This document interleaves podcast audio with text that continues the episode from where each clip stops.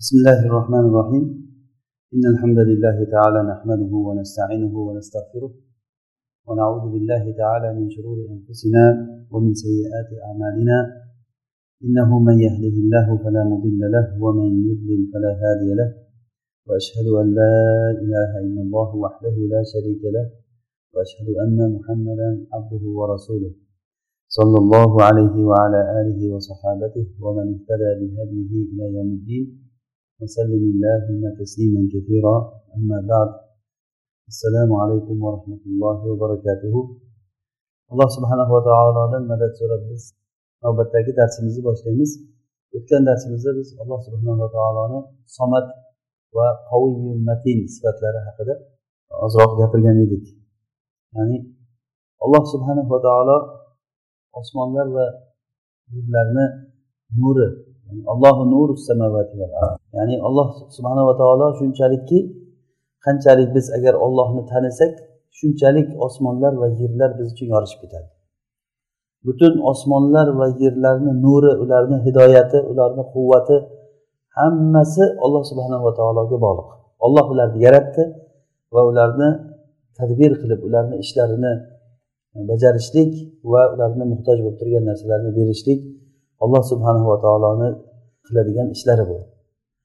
Inson qanchalik robbisini tanisa shunchalik alloh taologa yaqin bo'laveradi va ibodatlari ham xuddi shu barobarcha bo'ladi. Inson ollohni tanigan miqdorichalik ibodat qiladi. Ya'ni kim agar ollohni ko'p tanisa shunchalik ibodati ko'p bo'ladi. Va shundan biz alloh subhanava taolodan madad so'rab ollohni tanish ma'rifatulloh haqida e, suhbat boshlagan edik. Va o'tgan darsimizda alloh taoloni somat e, ismi haqida gapirdik va aytdikki allohni somat ismi beshta ma'noga dalolat qiladi. Birinchisi allohu somat degani butun maxluqotlar butun mavjudotlar unga muhtoj degani. Biror bir hayvonni ko'rmang biror bir jonzot biror bir narsani ko'rmang illo alloh taologa hojatini so'rab o'tirganligini ko'rasiz. Hatto inson har kuni qancha odam qancha marotaba hojatini so'raydi va o'sha so'ragan narsalarni alloh taolo insonlarga beradi va butun mavjudotlarga beradi. Hatto farishtalar butun maxluqotlar hamma narsa alloh taologa muhtoj. Ikkinchi ma'nosi allohu somat degani ya'ni arab tilida la javfalahu degani. Ya'ni g'avot emas degani. Bu lug'aviy ma'nodan kelib chiqqan narsa. Arab tilida musmat bo'lgan ya'ni ichi g'avot bo'lmagan narsani ya'ni somat degan ma'noda aytiladi. Ya'ni bu ichini g'avokligi hojatga dalolat qiladi. Shuning uchun ham bir misolda aytdikki odam alayhissalomni alloh taolo yaratgan paytda shayton ko'rib uni og'zidan kirib ortidan chiqib uni ichida aylanib yurardi. Va aytardiki farishtalarga ha sizlarni bu qo'rqitmasin bu bir zaif maxluq ekan chunki ichi ichi g'avok ekan derdi. Haqiqatda insonni ichi g'avok bo'lganligi uchun muhtoj. Har kuni ichimizdan narsa o'tib turishi kerak. Havo kirib chiqib turishi kerak suv aylanib turishi kerak ovqat aylanib turishi kerak qalbimizga ma'rifat kirib turishi kerak. Har kunlik ehtiyojimiz bor. Olloh taolo mana shunday yaratdi insonni. Ya'ni ollohni xohishi bilan inson muhtoj bo'lib qoldi. Agar olloh muhtoj qilmasa muhtoj bo'lmaydi. Alloh taolo nimaga muhtoj qilsa biz shunga muhtoj bo'lamiz. O'sha uchun ham o'lgan odam ovqat yemaydi suv ichmaydi. Nimaga muhtoj bo'lmaydi u? Masalan ba'zi bir kishilarni alloh taolo uxlatib qo'ydi. Masalan ashabul kafni alloh taolo uxlatib qo'ydi. Uch yuz to'qqiz yil uxladi. O'sha uxlagan paytda ularga ovqat va suv kerak bo'lmadi. Lekin shu bilan birga ularni badanlari orqaga qarab ketmadi ham. Demak alloh subhanava taolo insonni muhtoj qilib qo'yganligi uchun muhtoj. Farishtalarni muhtoj qilib qo'ydi farishtalar ollohni zikriga muhtoj. Ularni quvvati ularni kuch quvvatini ular mana shu zikrdan oladi. Ollohni zikr qilishlikdan ularga quvvat paydo bo'ladi. Insonda mana shunday muhtojlik bor. Eng muhtoj xalq maxluqotlarni ichida eng muhtoji inson. Hatto farishtalar boshqa hayvonlar boshqa hamma narsani ichida agar solishtirib ko'rilsa eng muhtoji inson bo'ladi. Va yana qiziq joyi eng o'zini muhtojligini sezmaydigan maxluq ham inson bo'ladi. Ya'ni olloh yaratgan narsalarni ichida o'zini ehtiyojini sezmasdan men boyman deb o'ylaydigan maxluqotlar inson bo'ladi. Keyin jinlar. Ya'ni shunchalik darajada inson kibrlanib tug'yonga ketadiki meni ehtiyojim yo'q deb o'ylaydi.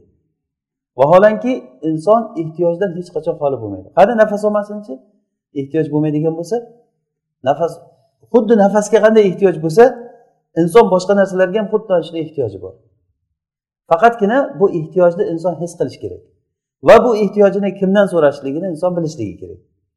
Ikkinchi ma'nosi shu. Uchinchi ma'nosi alloh subhanahu va taoloni somat ismidan komil ma'no chiqadi dedik. Ya'ni alloh taolo ollohu somat degani olloh hamma sifatlarda komil degani.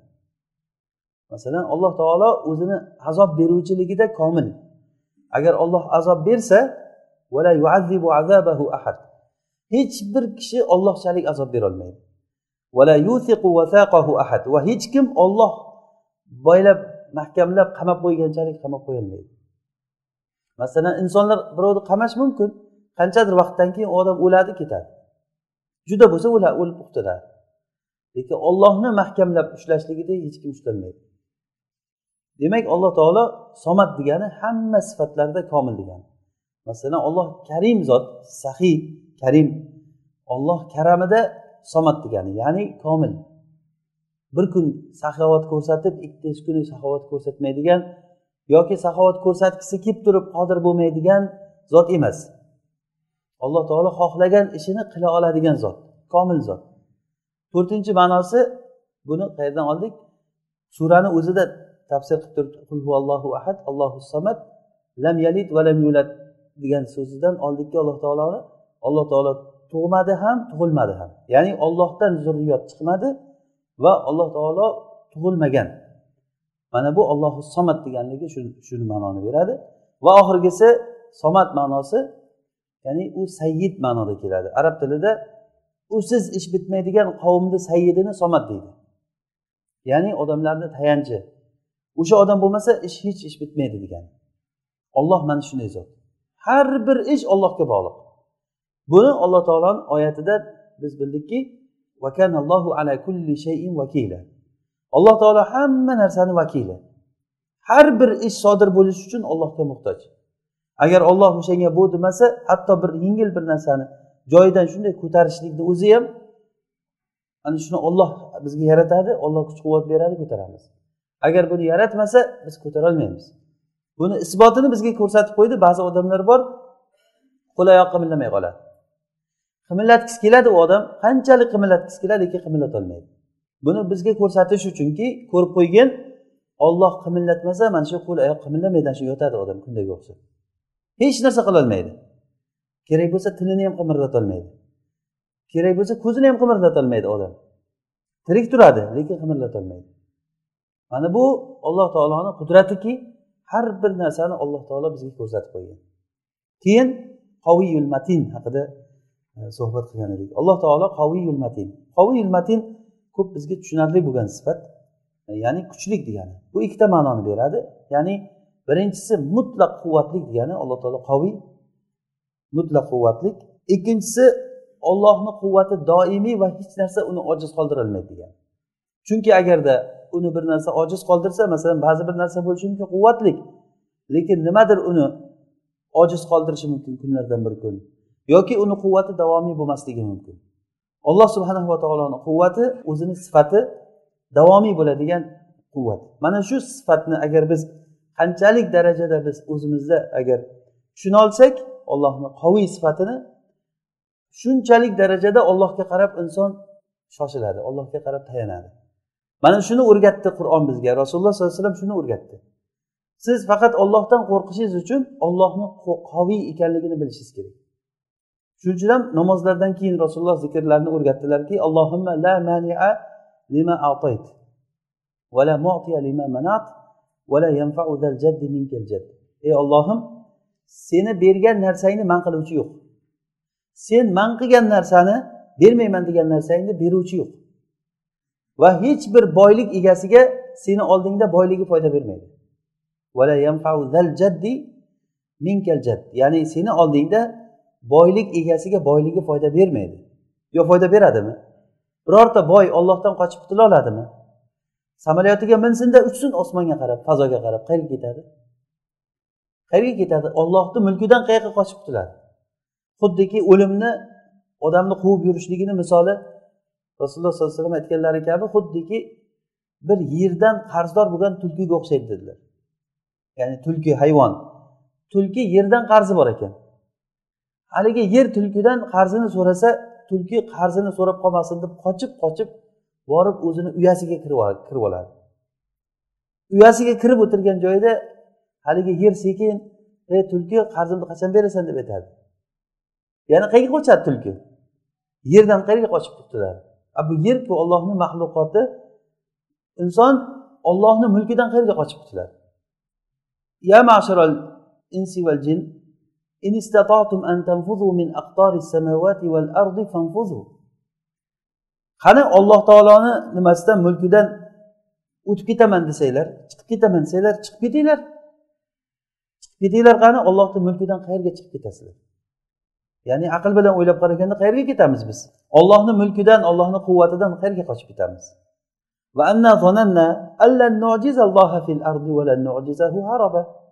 Mana jinlarni nomidan alloh taolo hikoya qilib aytadiki biz o'ylardikki ollohni hech qachon biz ojiz qoldirolmaymiz va ollohdan qochib ketolmasligimizni biz bilardik.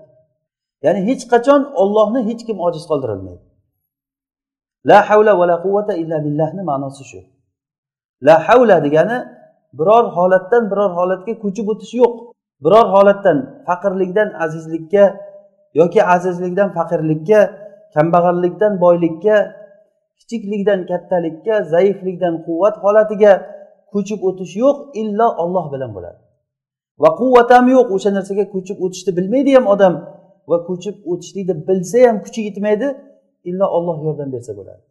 Olloh yordam bermasa yosh bola kattaradimi? Mana shuning uchun ham ba'zi holatlarda kichik bolalarni alloh taolo kattartirmay ko'rsatib qo'yadi bizga.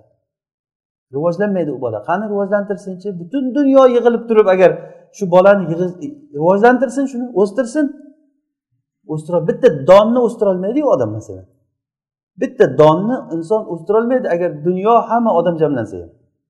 Bu ham bizga bildiradiki alloh taolo qoviy matin sifati matin degani ya'ni sifatida komil degan ma'noni ya'ni alloh taolo quvvatlik va quvvati komil darajaga yetib borgan degan. Shuning uchun ham ko'pincha matin qoviy bilan birga keladi. Matin. Mana zariyat surasida alloh taolo aytadiki alloh taolo u razzoq bo'lgan zot rizqni beruvchi zot va rizqni berishlikda ham alloh taolo quvvatul matin kuchli quvvat sohibi alloh taolo. Nima uchun zul quvvatil matin shu razzoq bilan birga kelyapti? Bizga tushuntirishlik uchunki bu rizq berishlik katta bir quvvatga muhtoj bo'ladi. Ya'ni alloh taolo rizq berishligi o'ziz o'ylab ko'rsangiz qancha maxluqotlar bor. Ularni hammasini rizqini hamma o'ziga kerakli joyga yetkazib kelishligi dengizdagi baliqlar osmondagi qushlar hamma narsa.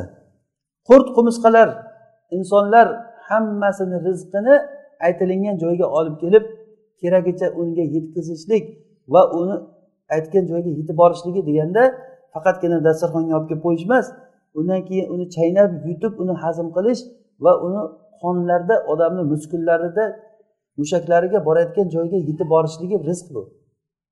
Buni kim qiladi buni? Buni juda ham mukammal quvvat sohibi bo'lmasa hech kim qilolmaydi bu ishni.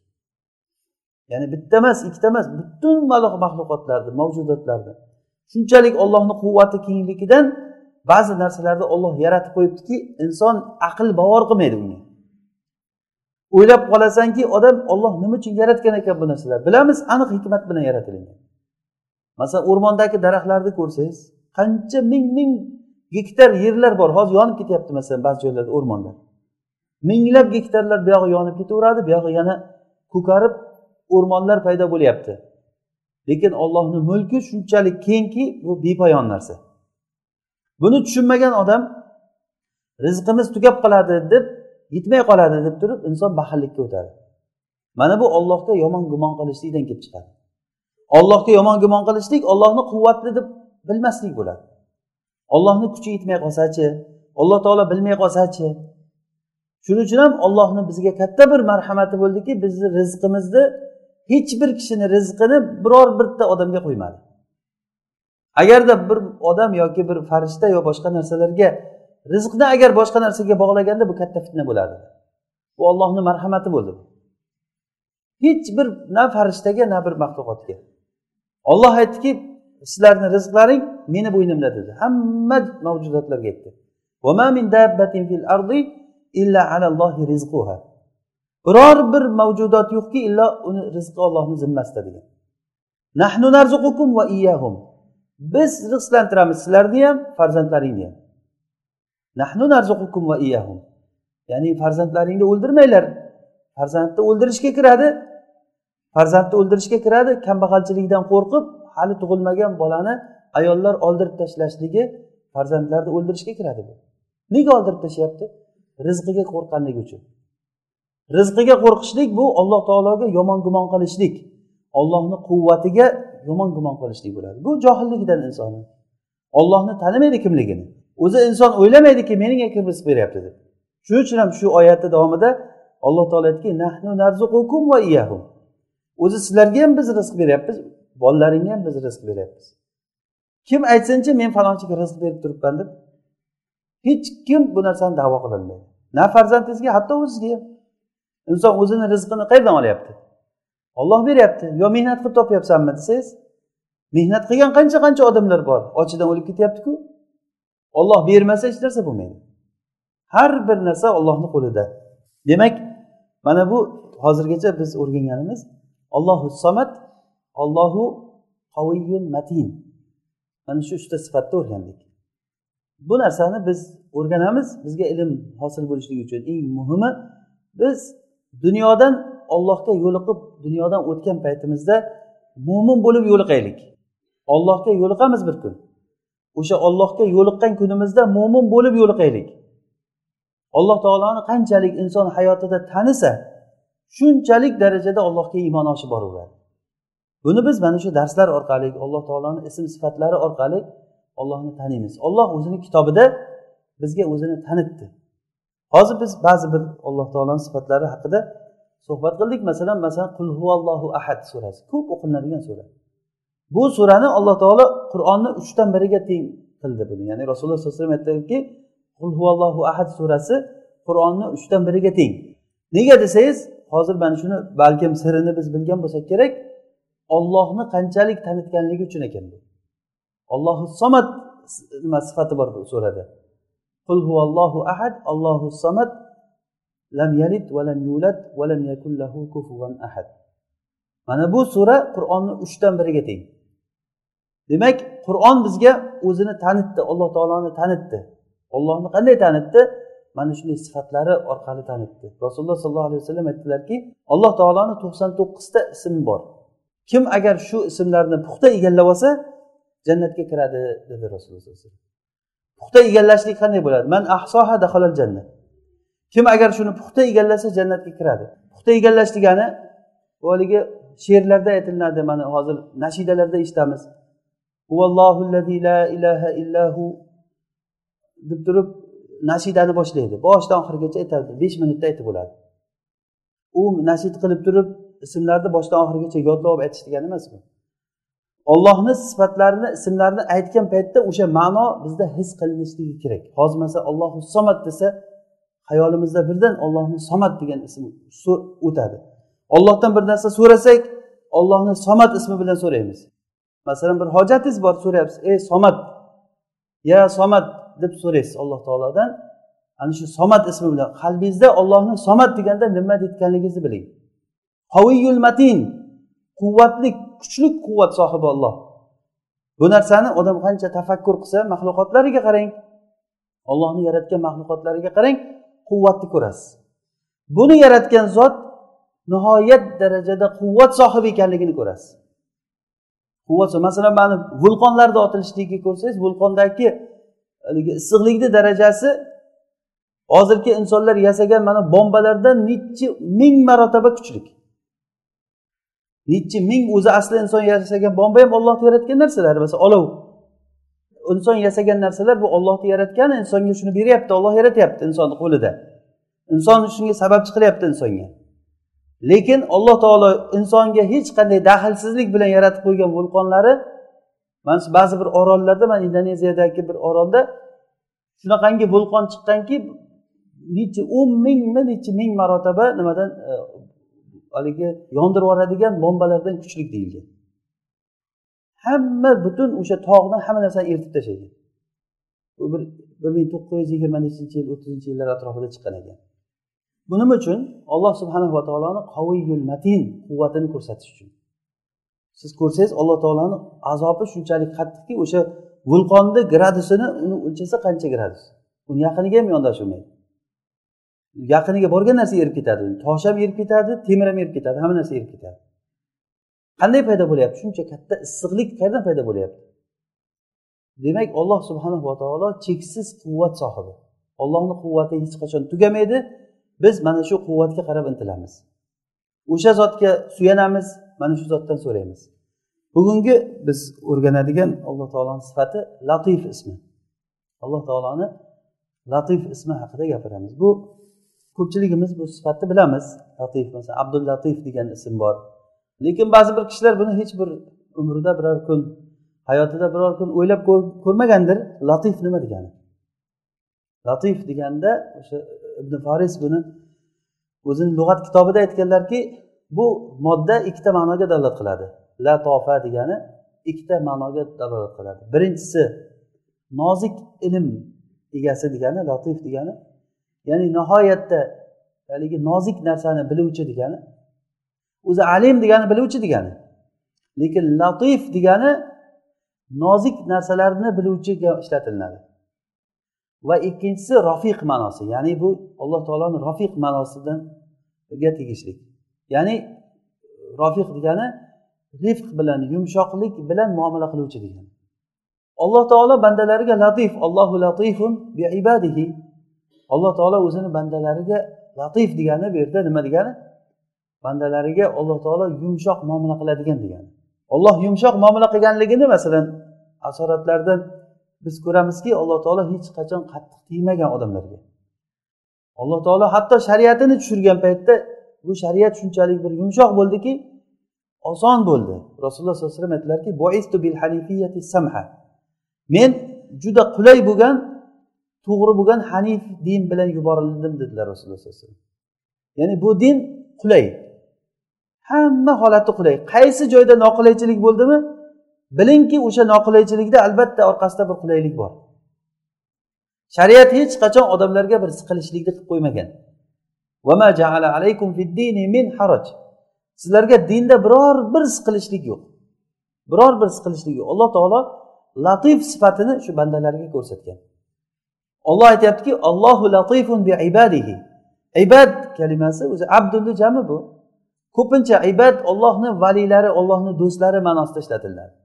Ibad va ibadur rohman allazina yamshuna alal ardi havna ya'ni ibadur rohman deganda ollohni avliyolari do'stlari degani. Ya'ni umumiy bandalar haqida kelganda abid keladi. abid alloh taolo bandalarga zulm qilmaydi deganda abid bu yerda nima? Umumiy bandalar degani. Ibad aksar holatda ollohni do'stlari ma'nosida keladi. Alloh taolo aytyaptiki allohu latifun bi ibadihi. Alloh taolo o'zini bandalariga latif yumshoq muomala qiladi ularga. Ya'ni yarzuqu man yasha xohlagan kishisini rizqlantiradi. Va huva latiful xabir alloh taolo u latiful xabir bo'lgan zot. Alloh taolo latif ismini qur'onda yettita o'rinda keltirgan. Yettita o'rinda. Shundan ikkitasi latif o'zi kelgan qolgan beshta o'rinda xobir ismi bilan birga kelgan. Ya'ni albatta latif keldimi yonida xobir ismi kelgan. Ya'ni nima degani bu? Alloh taolo xabardor xobir degani xabardor degani. Har bir narsadan xabardor. Inshaalloh biz darsimiz davomida shu oyatlarni beshta oyatni ham qayerda kelganligini o'qiymiz va o'shandan bilamizki alloh taolo bizga qanday tanitgan hayotda hamma jabhasini tanitib qo'ygan alloh taoloni latif ismini mana shu insonda uchralishligi mumkin bo'lgan hamma joyda tanitgan demak ibn foriz aytganday latif ikkita ma'noga dalolat qiladi. Birinchisi nozik ilm sohibi degani ya'ni judayam narsalarni nozik judayam maxfiy narsalarni bilib qo'yuvchi degani. Ikkinchisi nima ekan? Rifq ma'nosida ya'ni odamlarga yumshoq muomala qiladigan xalqiga yumshoq muomala qiladigan zot. Alloh taolo rafiq rifqni yaxshi ko'radi. Rafiq deganligi shu latif ma'nosida. Ya'ni qo'pollikni alloh taolo yoqtirmaydi. Alloh taolo yomon muomalani qo'pol muomalani yaxshi ko'rmaydi. Demak mana hadisda kelgan alloh taolo rofiq yumshoq zot yumshoq deganligimiz mana shu ya'ni qattiq tegmaydi muomalada. Agar olloh qattiq tegadigan bo'lsa inson yomon holatga tushib qoladi. Masalan alloh taolo shunchalik mana shu latif ismidan insonga sekin sekin sekin muomala qildi. Mana shulardan biri masalan kechqurun uxladingiz ertalab tursangiz soch soqolingiz oppoq bo'lib qolibdi.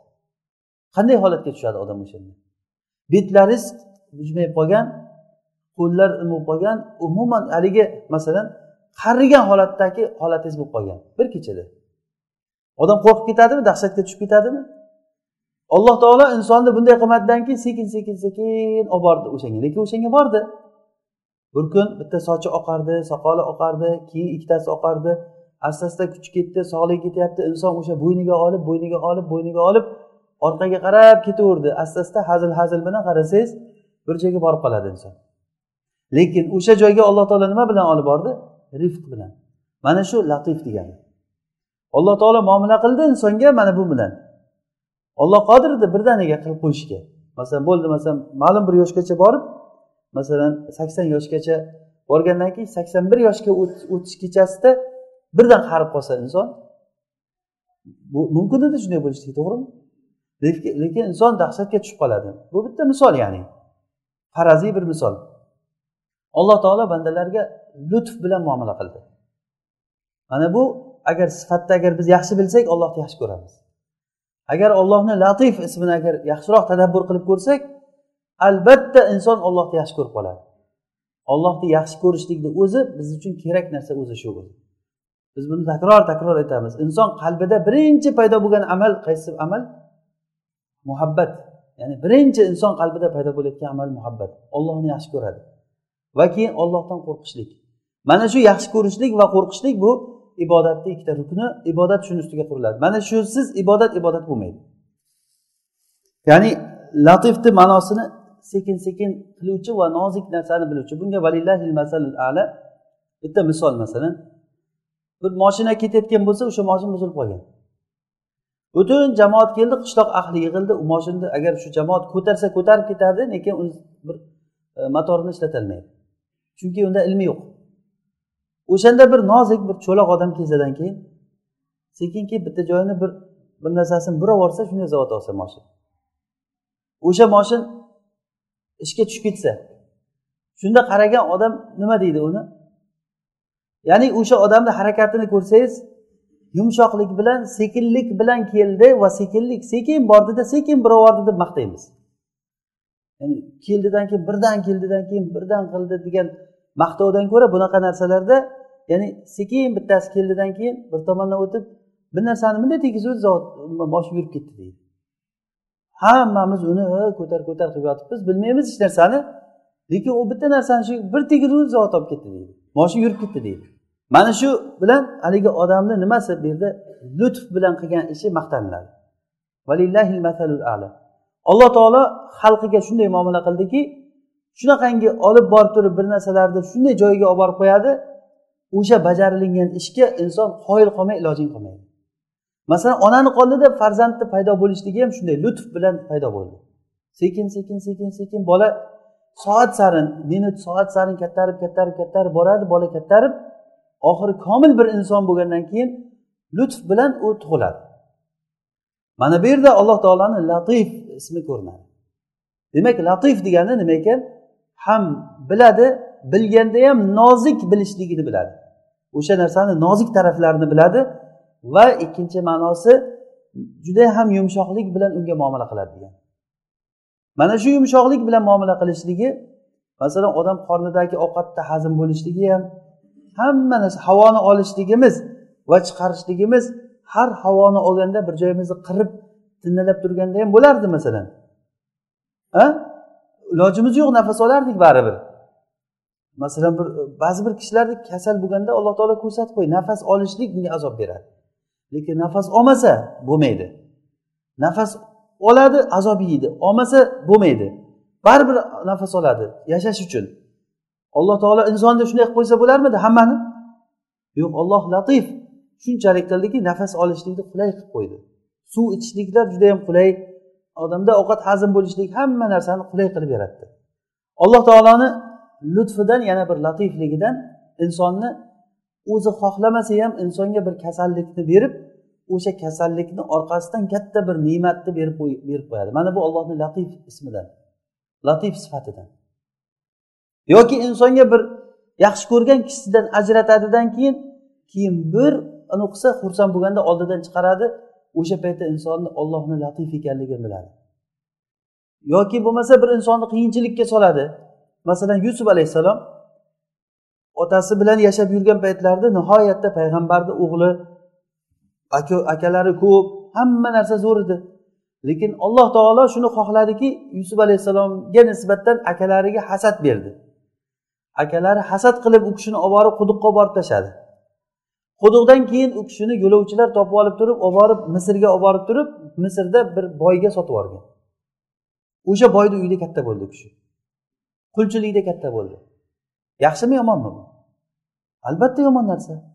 Keyin katta bo'lgandan keyin balog'atga yetib quvvatli bo'lgandan keyin o'sha uyni egasi ayol kishi zulayho deyiladi ismi. Bu kishini o'zi bilan yomon zino ish qilishlikka chaqirdi. Yomon ish bu. Bu kishi o'zini asradi hatto qamalishgacha bordi. Hatto shu darajagacha bordiki ey robbim men bunaqangi qilib ayollarni ichida fitnaga qolganimdan ko'ra qamalib ketganim yaxshi deb duo qildilar alloh taolo u kishini duosini ijobat qildi qamoqqa tashladi. Qamoqda bir necha yil qolib ketdi. Alloh taolo qur'onda aytdiki qamoqda bir qancha yil qolib ketdi. Keyin ollohni qadari bilan qamoqdan to'g'ri podshoni vaziri bo'lib chiqdi. Keyin akalari keldi u kishiga ocharchilik boshlandi. Bu orada buni voqeasi uzun hammamiz eshitganmiz. Ocharchilik bo'lgan u kishi haligi podshoni ko'rgan tushini ta'bir qildi yetti yil unumdorlik yili bo'ladi judayam unumdorlik bo'ladi. O'sha yilda sizlar hosilni yig'inglar. Keyin yetti yil qurg'oqchilik keladi. Mana o'sha keyingi yetti yilda sizlar yiqqan narsalaringni yeysizlar va butun atrofga shom diyorlarigacha ham bug'doy tarqatgan misr. Ana shu uchun yusuf alayhissalomni kerak bo'lgan o'sha joyga. Va u kishini otasiyu akalari hammalari bir necha yildan keyin bug'doy izlab o'sha akalari boradi yusuf alayhissalomni oldiga. Keyin u kishini tanib ko'rgandan keyin keyin otasini ham olib kelishlikka buyuradi otalarini olib keladi butun qarindoshlarini ko'chirib olib keladi shom diyoridan. Hozirgi mana falastin suriya yerlari shom diyori. Mana shu joyda misr diyoriga ularni ko'chirib olib keladi. Ko'chirib olib kelganda o'shanda yusuf alayhissalomni duolari bor inna robbi latiful lima yasha. Ya'ni robbim o'zi xohlagan narsasi uchun nihoyatda latif zot ekan. Ya'ni shunchalik qildiki yusuf alayhissalomni qamoqqa kirgizib quduqqa tashlatib keyin qamoqqa kirgizib keyin haligi xo'jayinini uyida fitnaga qolishligi va hokazo mana bu ishlardan keyingi bo'ladigan narsa o'tgan qiyinchiliklarni oldida hech narsa bo'lmay qoldi keyingi holati. Ya'ni keyingi holati nihoyat darajada katta ne'mat ekan. O'sha ne'matga yusuf alayhissalom o'zi xohlamasa ham shunga olib bordi alloh taolo. Mana shu olib borishligi ollohni latif sifati bilan bo'ldi.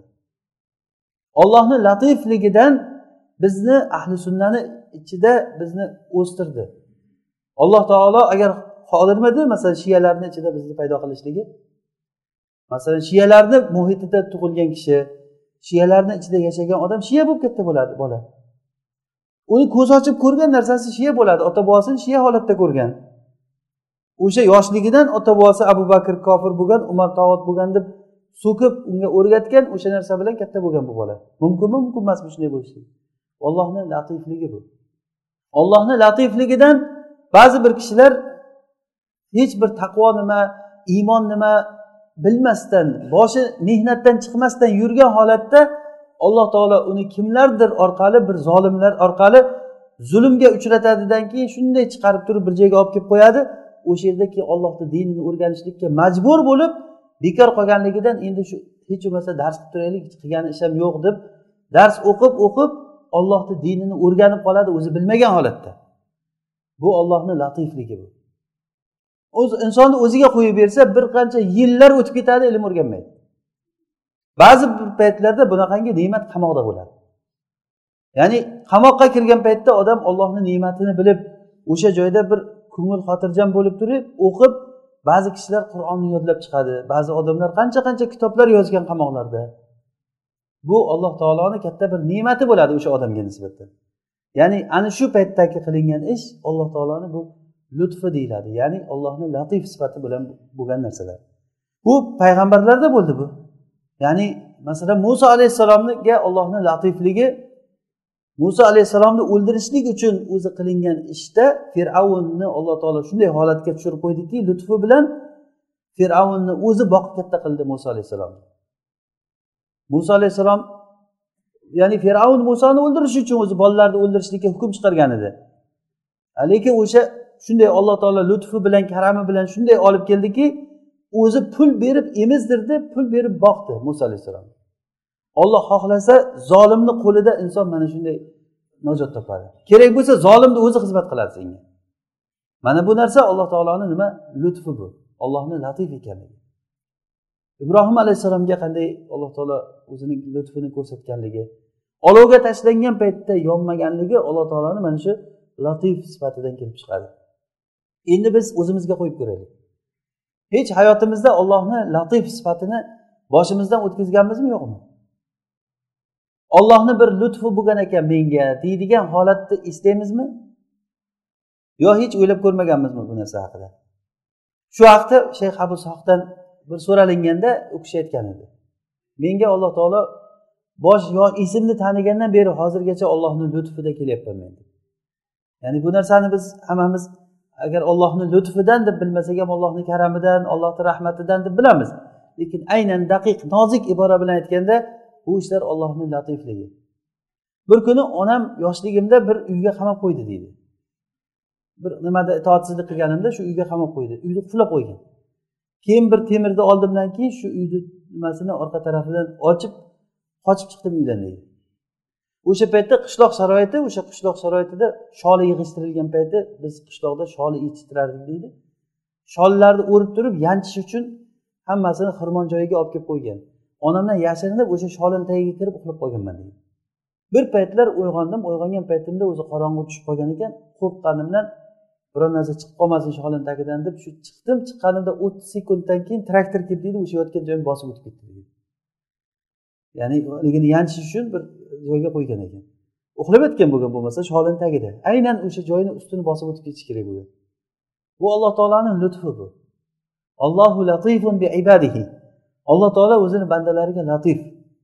Rasululloh sollallohu alayhi vasallamni makkadan o'n uch yil da'vat qildilar. U kishini sohir dedi kazzob dedi urdi so'kdi odamlar.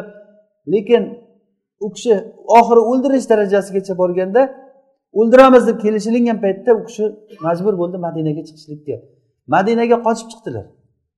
Ya'ni yurtlarini tashlab madinaga qochib chiqdilar. Hatto madinaga ketish paytlarida madinaga ketish paytlarida makkani yo'lini makkani orqa tarafidan aylanib turib makkaga ketayotgan yo'lni ko'rgan paytlarida rasulullohni qalblari ezilib ketgan o'sha makka o'zini shahrini ko'rib shu makkaga ketayotgan yo'lni ko'rib. O'shanda ichlari ezilingan paytda alloh taolo qur'on nozil qildiki sizga qur'on nozil qilgan zot sizni shu joyga hali qaytaradi. Olloh va'da berdi bunga. Ya'ni rasululloh sollallohu alayhi vasallam mana shunday holatda ya'ni g'amgin holatida majburiy holatda o'lim hukm qilingan holatda qochib chiqdilar. Lekin madinaga borgan paytlarida madina ahli rasulullohni shunday kutib olishdi. Rasulullohga bu ollohni lutfi bo'ldimi bo'lmadimi? Qanday holatdan qanday holatga o'tib qoldilar? Ya'ni agar nisbatimiz to'g'ri bo'lsa yuz foiz zul bo'lgan holatdan yuz foiz azizlik holatiga ko'chib o'tdi. Bir ko'chib o'tishlik bilan. Lekin shu holatga o'tishlik uchun bitta zarba bitta qiyinchilikdan o'tish kerak bo'ladi inson. Shuning uchun ham biz bilaylikki olloh latif deb bilgan odam siz bilingki olloh taolo bizga latif. Ya'ni latif degani bizga qilgan muomalasi faqat va faqat bizga yaxshilik bo'ladi. Ollohni lutfidan bizga rizqni alloh taolo katta qilib ochib tashlamaganligi masalan hozir hammamiz xohlaymiz mana shu pullar taxlangan tursa. Xohlagancha olib ishlataversa edi hamma. Lekin bu narsa yaxshilikka olib boradi deb o'ylaymiz biz. Alloh taolo o'zini lutfi bilan bizga biladiki alloh taolo buni aytib qo'yibdi.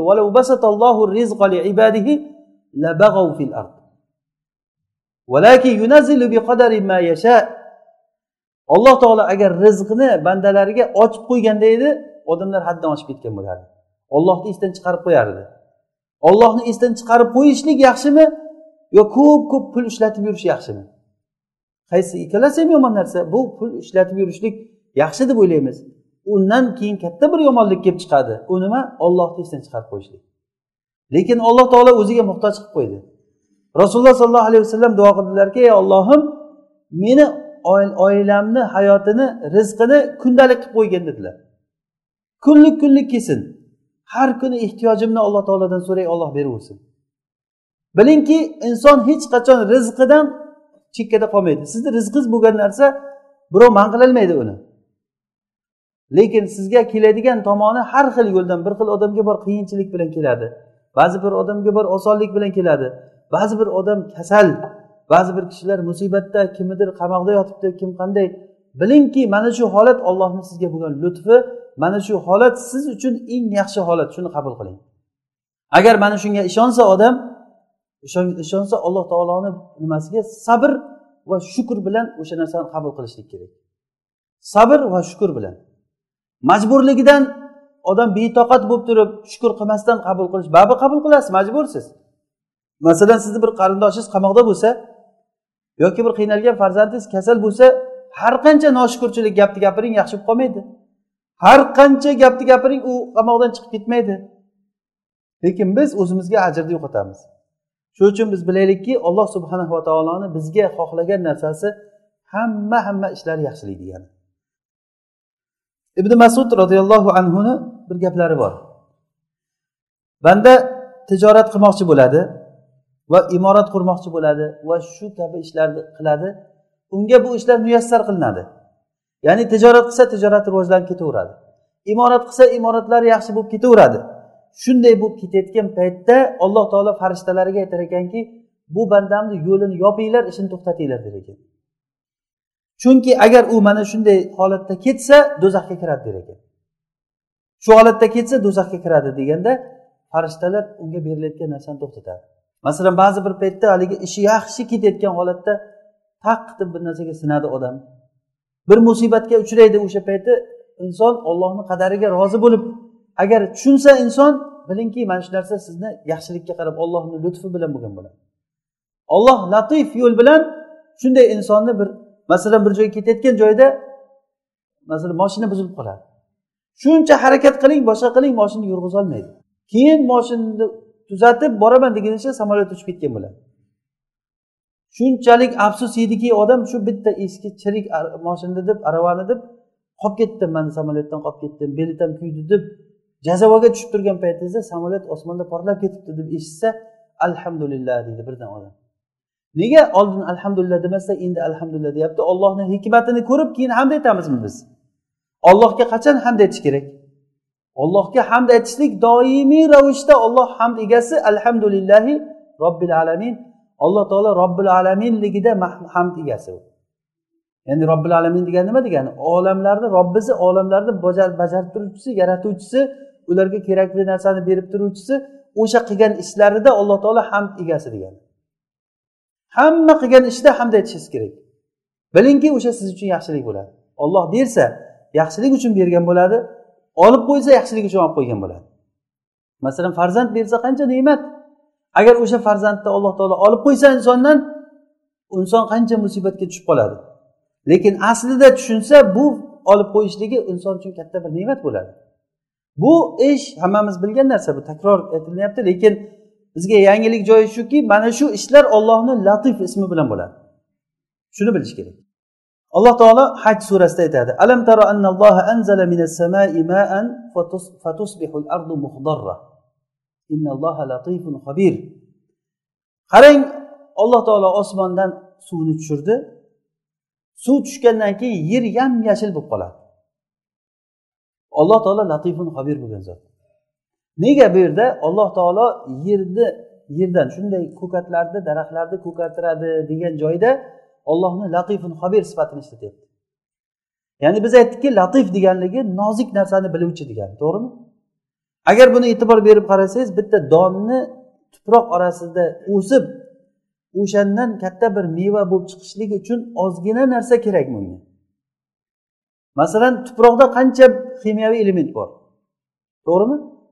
Bitta masalan olma daraxtini o'sib olma mevasi bo'lishlik uchun u tuproqdan qancha suv qancha elementni nima orqali tortib oladi u? Daraxtni tomirlari orqali tortib oladi. Masalan qovunni tomirini ayting. Mayda mayda tomirlari bor qovunni. Shu tomirlar tuproqni ichiga kirib ketadi. Nam kelgandan keyin haligi bakteriyalar bilan nima ollohni bir ilmi bilan o'sha tuproqdan tomir o'ziga kerakli narsani so'rib olib turib o'sha tomirni ichidan borib haligi navdasidan borib qovun bo'lib turib katta qovun bo'lib pishib oldimizga keladi. Bu narsa ollohni lutfi bilan bo'lgan narsa. Bunda hech kim buni hisob kitobini olib berolmaydi. Qancha vaqt kerak bunga qancha narsa kerak nimalar qo'shish kerak nimani nimaga qo'shish kerak? Birorta bir elementni bir biriga qo'shib turib qani bitta qovunni yasab beringchi masalan? U bo'lmaydi u narsa. Olloh yaratgan narsalar masalan o'zi hamma narsa olloh yaratgan. Olloh yaratgan narsalarni unisini bunisini olib turib shu qovunda nechi xil masalan modda bor? Aytaylik yuzta modda bor. Unda bu kalsiy bor boshqa bor u bor bu bor. Hamma narsalarni yig'ib turib shu bir biriga qo'shib bitta qovun qilingchi masalan. Mana bu narsada alloh taoloni lutfi ya'ni lutfligi sekin bo'lganligi ham bir katta bir narsa.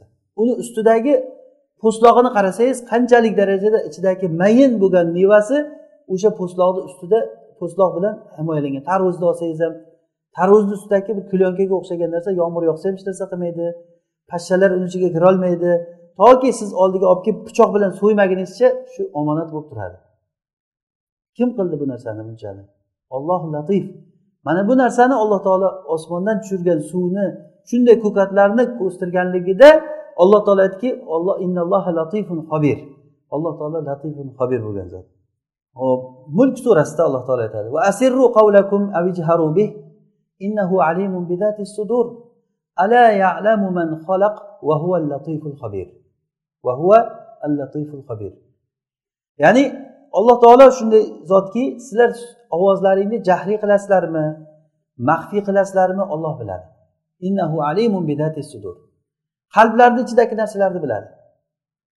Va asirru qavlakum sizlar ovozlaringni sir qilib pichirlab gapirasizlarmi jahriy qilasizlarmi? Alloh taolo biladi.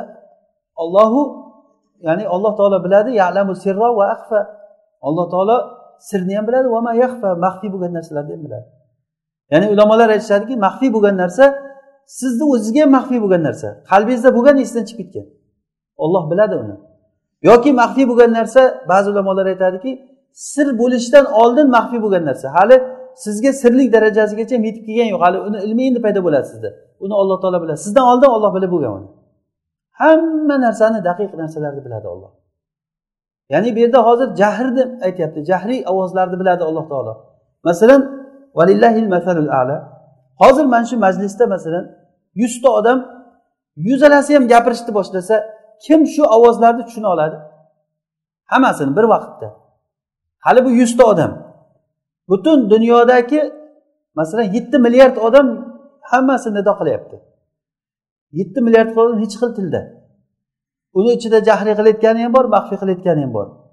Hammasini gapini o'sha aytgan paytda alloh taolo o'sha gapirgan gapini hammasi hisob kitobini qiladi. Buning uchun nihoyat darajada nozik hisob kitob kerak mana shu latif ismidan kelib chiqadi. Shuning uchun ham alloh taolo ovozlar haqida aytgan paytda ala ya'lamu man xalaq? Alloh taolo aytdiki o'zini yaratganini o'zi bilmaydimi? Inson a'zosida shunday narsalar borki masalan miyadagi shunday bir tomirlar borki hali doktorlar bilmayapti. O'sha tomir nima vazifani bajaradi bilmaydi uni. Nima uchun? Kerak o'sha narsa. Lekin shuni vazifasini bilmaydi. Insonda bor bo'lgan narsa. Odamni miyasida shunaqangi bir tomirlar borki milliardlab tomirlar bor. O'sha vazifasi nima ekanligini inson bilmaydi. Insondagi har bir tuk masalan erkak kishini badanidan chiqadigan tuklari masalan. Nimaga uni alloh taolo uni yaratgan uni? Bekordan bekorga bo'lganmi shu narsa? Agar bir dona tuk bekordan bekorga yaratilgan desa bir kishi kofir bo'ladi o'sha odam. Alloh taolo hech bir narsani osmonlar va yerni alloh taolo haq bilan yaratdi insonlarni ham haq bilan yaratdi.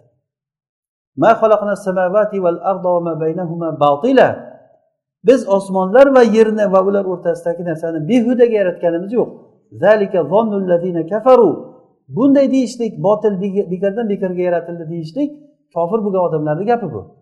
Ana o'shalarni gumoni bu? Uchinchisi luqmon surasida keladi ya bunayya innaha intaku mithqala habbatin min khardalin fatakun fi sakhratin aw fi samawati aw fil ard ya'ti biha Allah innalloha latifun xabir ya'ni luqmon alayhissalom luqmon u o'g'illariga aytyaptiki ey o'g'lim bu seni qilgan amaling agar xantal urug'chalik kichkina amal bo'lsa u bir xarsang toshni ichida bo'ladimi? Osmonlar va yerda bo'ladimi? Olloh uni keltiradi. Olloh latifun xobir bo'lgan zot. Ya'ni bu nima degani? Sizni qilgan amalingizni hammasini olloh biladi. Bu yerda nihoyat darajada latif ollohni bilimi aytilanyapti qanday? Misol uchun masalan siz bir kishiga bir narsani o'rgatdingiz. Da'vat qildingiz. O'sha siz o'rgatgan ilmdan foydalanib bu odam safar qilib ketdi angliyaga yoki amerikaga bir joyga ketdida o'sha siz o'rgatgan ilm bilan foydalandi. Shu foydalangandan bo'lgan ajrni sizni hisobingizga yoziladi. Buni ollohdan boshqa hech kim bilmaydi alloh taolo xabardor latif bo'lgan zot.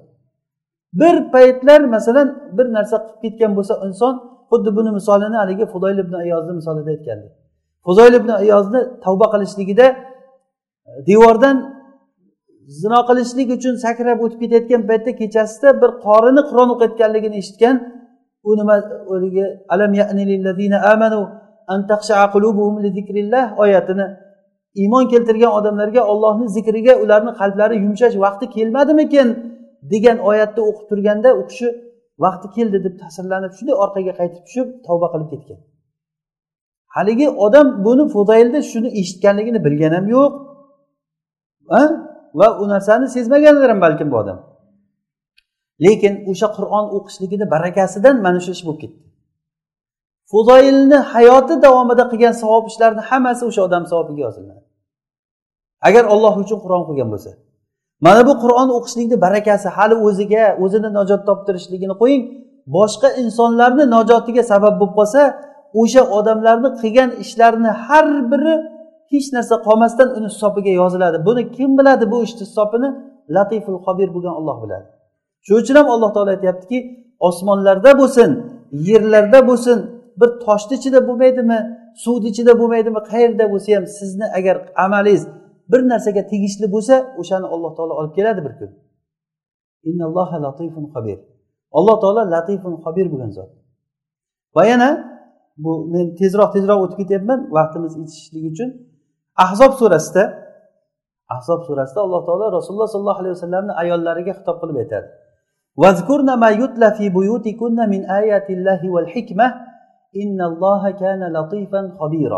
Bunda ham mana latifan xobiro keldi. Ey rasulullohni ayollari sizlar uylaringda tilovat qilinadigan ollohni oyatlari va rasulullohni sunnatlarini qadriga yetinglar.